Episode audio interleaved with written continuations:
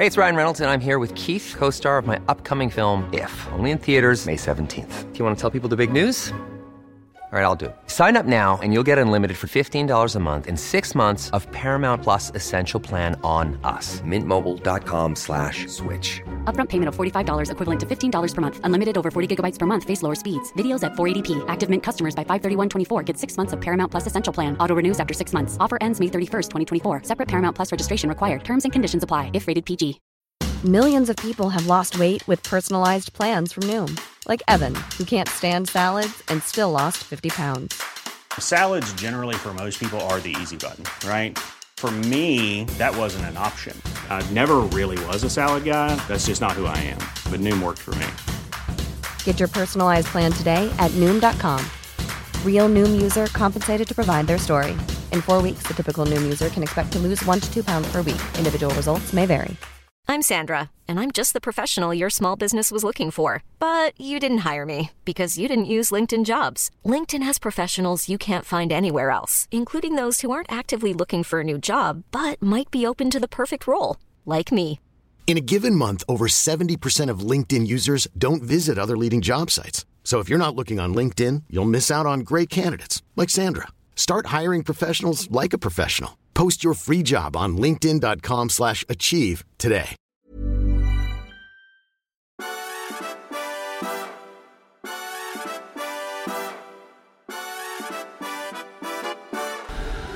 God morgon. Hej på dig. Lite sovmorgon idag. Lite sovmorgon, ja. Eller egentligen inte sovmorgon. Vi har ju gäster som är uppe tidigt eftersom de är fyra år. Ja, Så, men det blir långa månader det blir långa månader med Ja. mycket lek. med mycket lek. här. Men nu är vi igång. Eh, Vi ber om ursäkt för att få vänta lite grann. Ni kanske lyssnar på det här på söndag. Det kommer säkert att hålla ändå, hoppas vi. Vi ber också om ursäkt för alla ljud som ni hör, men det beror på att vi sitter på kanske Kapstadens trevligaste café. Ja, det kan man säga. Det är ett hotell egentligen som Ja. heter La Botessa. Och eh, där brukar vi käka frukost ibland när vi är för lata för att göra vår egen frukost. Och eh, nu flydde vi hit för att eh, det är förhållandevis lugnare här än hemma just nu. Ja, Ja. och man kan inte be en fyraåring eh, tänka i poddtermer Nej, det- och ljudbild. Man kan knappt be en vuxen om det har jag märkt. jag tycker nej. att det känns jobbigt. Men vi gör vårt bästa. Hörru du, eh, jag läste, jag läste tidningen i morse. Det här är en sån här dag när SVDs Perfect Guide kommer. Och de hade tre eller fyra sidor om en eh, amerikansk, eh, en av alla dessa amerikanska IT-miljardärer. De som, av någon anledning när de får väldigt mycket pengar så får de väldigt konstiga idéer. Den här killen han fick, eh, tror jag, 8 miljarder eller någonting, för eh, 9 kanske, för sin betaltjänst när Paypal köpte den. Han är gammal mormon.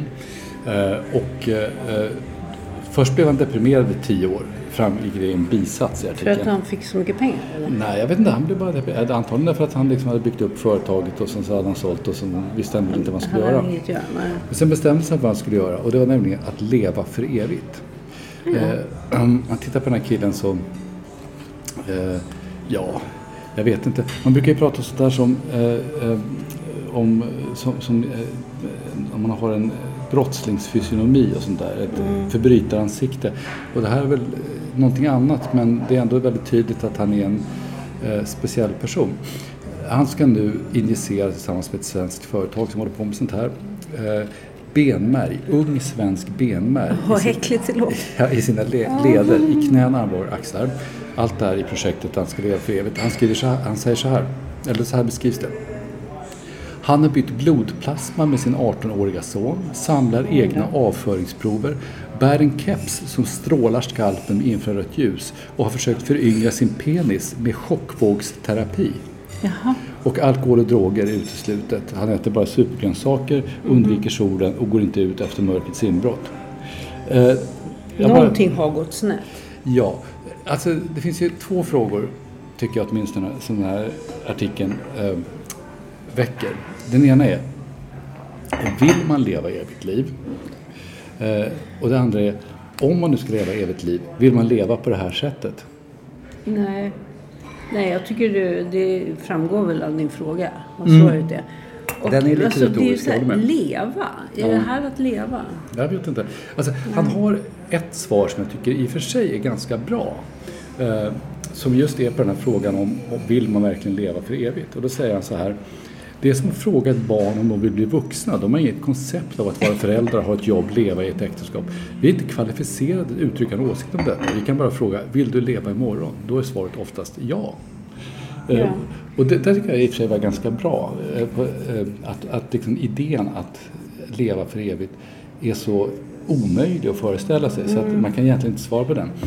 Eh, Men jag skulle vilja säga ändå, jag tror att eh, den här bilden han står framför sitt kylskåp i någon slags bondage-tröja som säkert också är till för att han ska leva för evigt får man eh, en klar känsla av att killen inte är riktigt klok. Men, men eh, ja, Men alltså, jag, jag är också lite störd av den här idén att han ber sin 18-åring om olika kroppsvätskor. Precis. Det känns inte schysst. Precis Vad ska jag- 18-åringen säga? Nej pappa. Ja, ska han, fick han pappa stå istället? Eller, jag vet inte. Det, alltså, han använder sina, sina barn som en slags eh, hälsokost.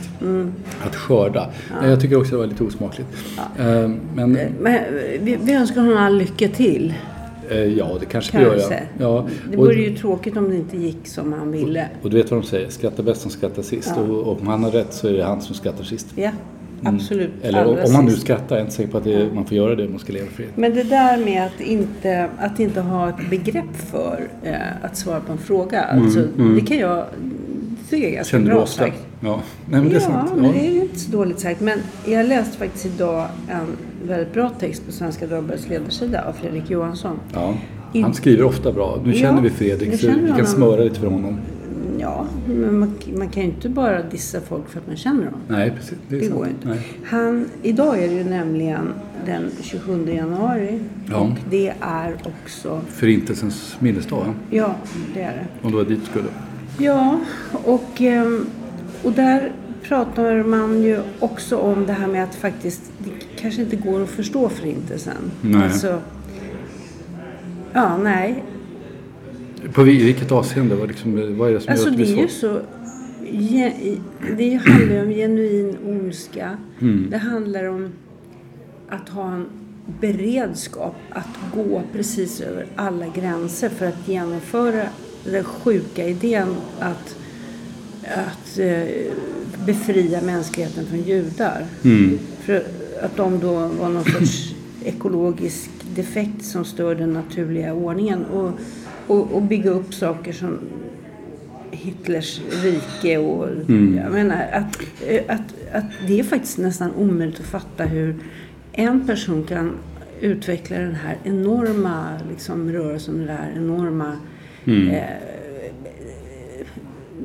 vad ska vi kalla det för? Det är ju ett, det är bara ett mänskligt Alltså det, misslyckande. Det, det är något fruktansvärt. det är någonting som jag tycker är intressant med det där också nu apropå den här eh, rättsprocessen som just Sydafrika där vi befinner oss nu har öppnat i, i den internationella domstolen mot eh, Israel.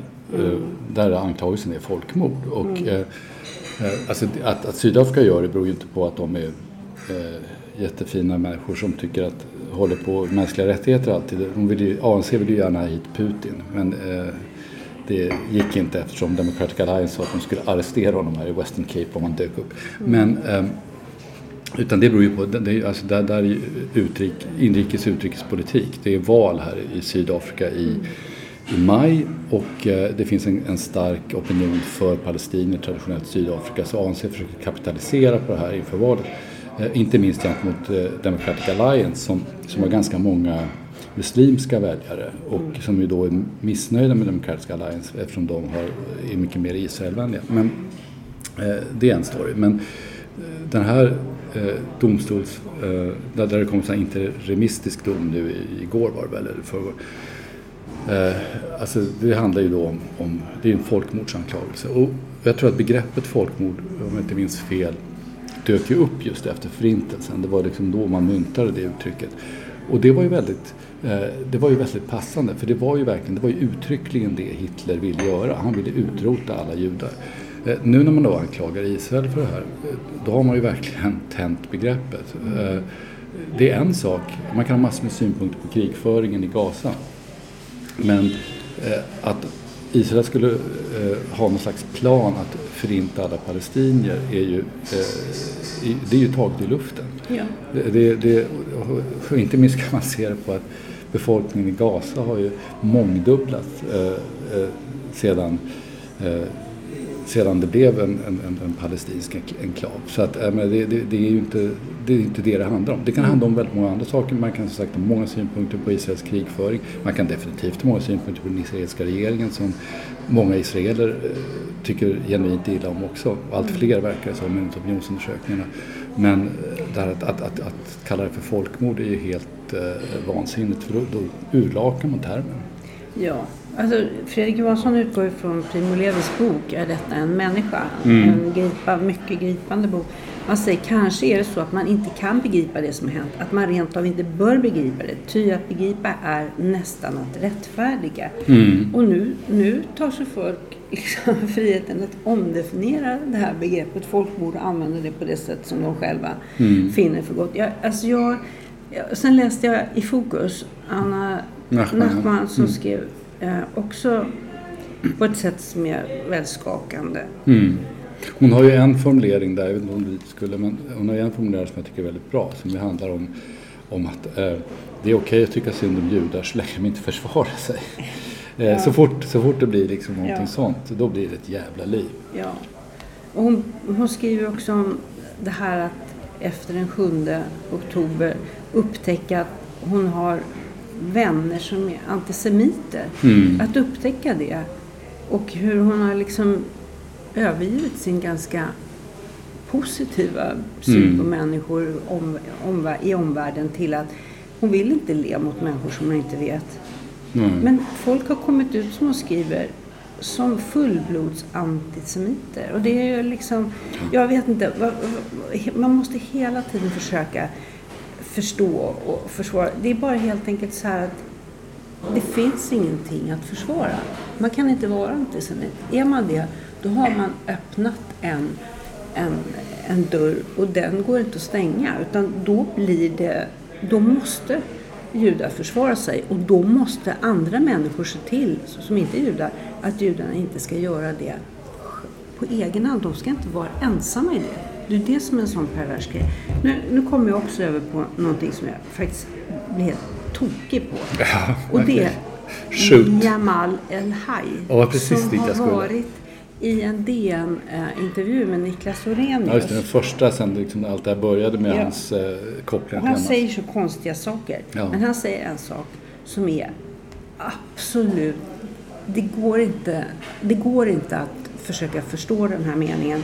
Jag var tydlig redan då, för 20 år sedan. Man får inte döda civila även om de är judar. Och då får han följdfrågan, vad menar du? Ja, nej, jag sa fel. Man får inte döda civila. Det här har ju då utbrutit någon sorts eh, tvekan på Twitter som handlar om att man måste väl kunna få säga fel och ändra sig.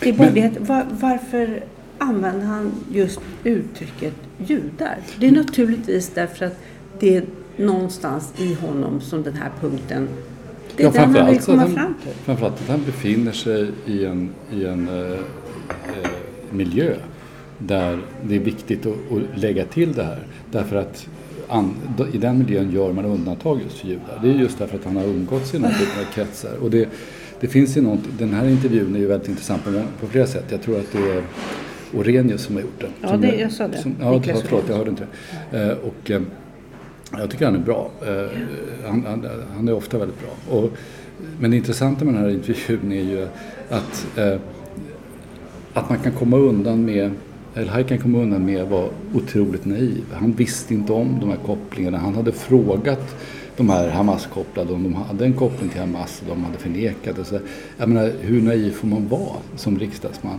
Eh, det är ju, dels är det ju svårt att tro på att han verkligen tänker så.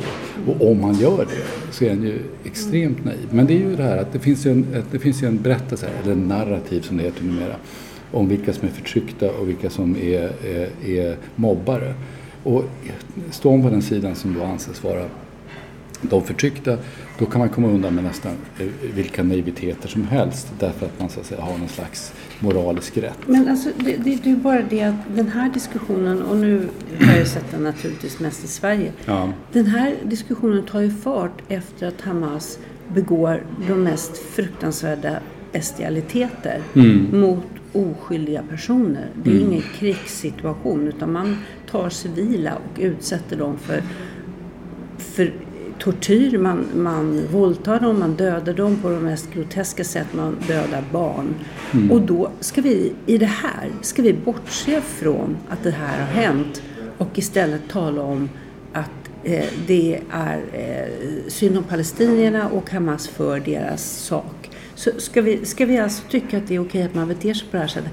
Det, jag, jag, ibland vet jag inte vad jag ska göra. Ska man verkligen vara med i en offentlighet som är så otroligt korrupt i sin liksom, sanningsönskan? Det finns ju ingen som helst önskan om det här. Att det här ska liksom man ska titta på det här och försöka vara uppriktig. Mm. Det finns ju en, alltså, jag tycker det är intressant att leva igenom den här epoken för att det här är en sån där händelse som, det finns ju sådana händelser som sker eh, då och då. Alltså det här är en sån där händelse som jag tror kommer att sätta ganska djupa spår i offentligheten, inte bara i Sverige utan även internationellt. Alltså den, den splittrar vänstern på många sätt, den, den eh, drar upp nya eh, konfliktlinjer mellan olika länder. Eh, den eh, mobiliserar en generation. Eh, alltså nu ser man ju till exempel, Sverige har ju Melodifestivalen och nu är ju uppropen igång för att man ska bojkotta Israel, att de inte ska få vara med på Melodifestivalen. Och man kan ju naturligtvis ha synpunkter på varför de är med från början eftersom de trots allt inte ligger i Europa. Men, men oaktat det eh, så, så ser man ju här hur, hur eh, det i artistkretsar mobiliseras väldigt starkt i den här frågan. Det här är sådana saker som kommer att vara, det här kommer att ligga kvar 20 år från nu. Det här kommer att forma människor eh, på, på ett sätt som, som vi kommer att leva med ganska länge. Och jag tror också att alltså, det finns lite grann av en perfekt storm nu. Eh, och Greta är väl liksom det bästa exemplet på det där som vi har, har liksom gått in i båda de här frågorna. Att nu finns det en väldigt radikal eh, klimatapokalyptisk rörelse som, som i ganska klara ordalag konstaterar att vi kommer inte kunna lösa det här problemet genom demokrati och, och, och att politiker gör det de brukar göra utan de måste göra någonting annat.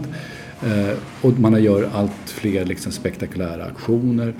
Eh, man har den här, den här Palestinafrågan då, som till det lägger det här koloniala perspektivet. Det påminner otroligt mycket om, om eh, det, den eh, miljö där Rota arméfraktionen, alltså Baader Meinhof-ligan uppstod och så. Jag tror att det skulle vara väldigt undligt om vi inte inom de närmsta fem åren kommer att få se den typen av ska säga, inhemsk terrorism eller i varje fall en, en mycket mer våldsbejakande eh, eh, typ av, av radikal opposition i, i västerländska samhällen. Och det, är liksom en, det är en ny grej. Det har vi inte sett sedan 70-talet.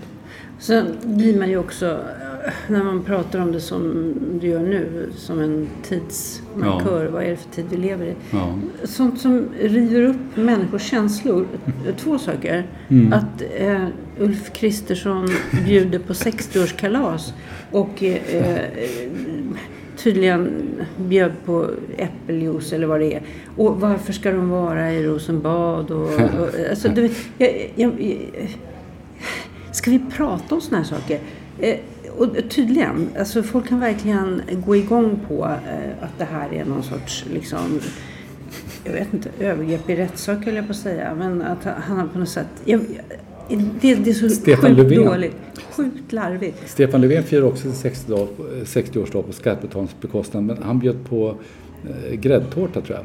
Jaha. Eller någonting sånt där. Och det, det var någon av kvällstidningarna som hade grävt fram exakt hur mycket det hade kostat. Och, Mhm. och de kommer säkert att jämföra med hur mycket det kostar för Ulf Kristersson.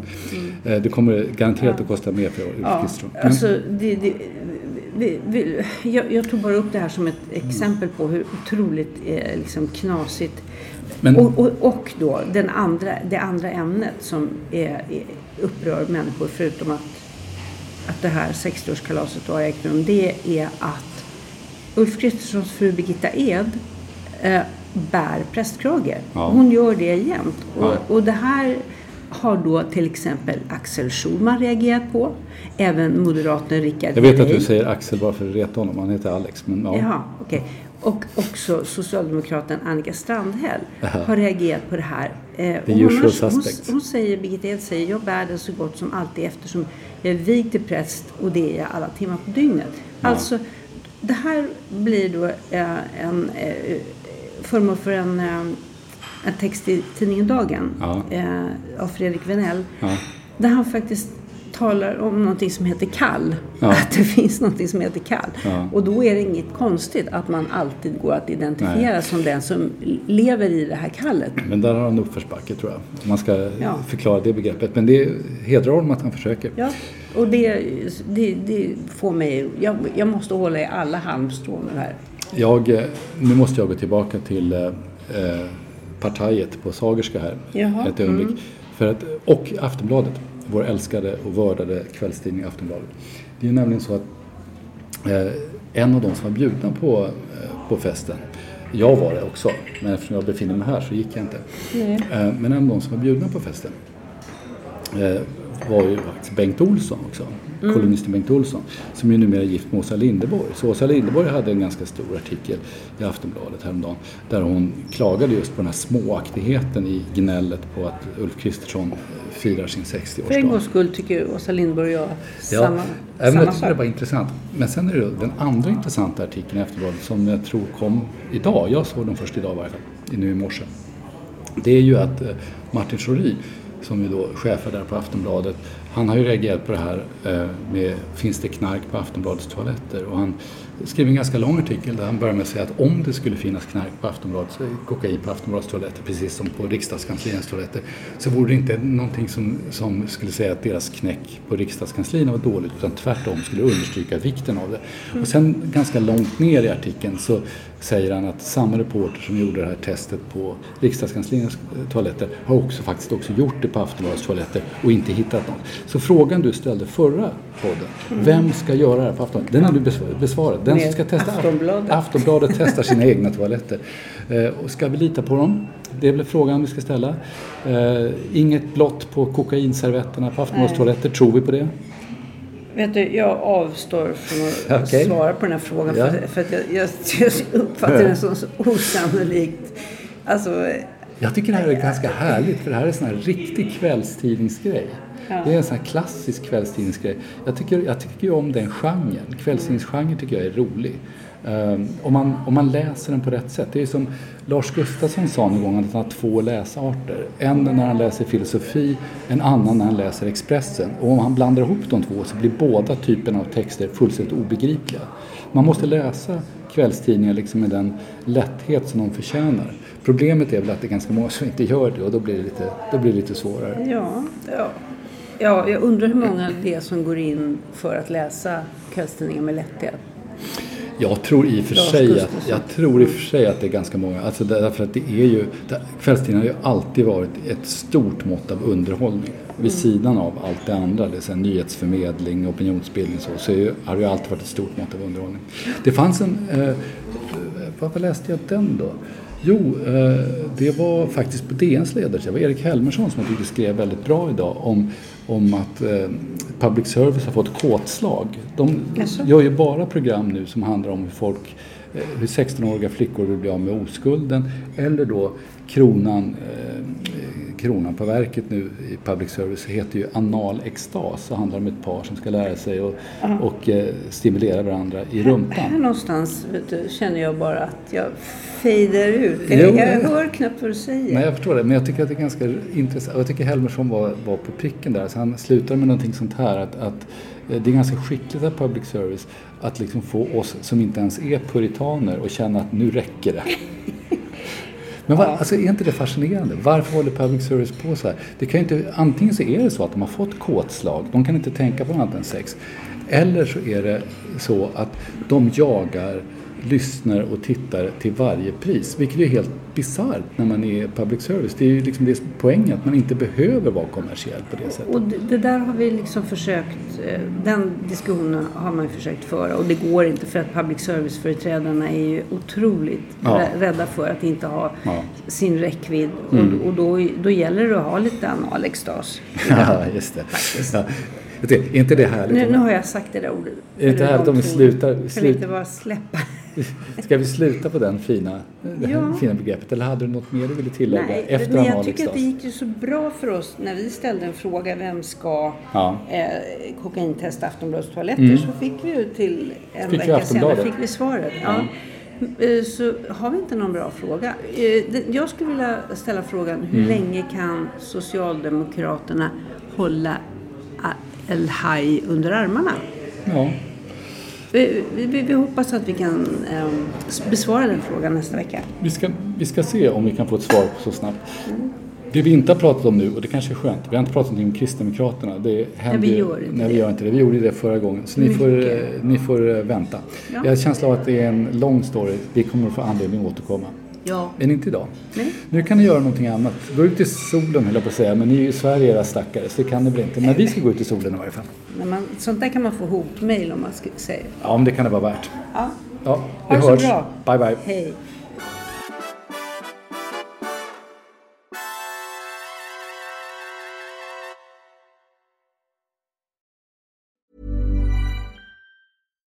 Hey, it's Paige DeSorbo from Giggly Squad. High quality fashion without the price tag. Say hello to Quince.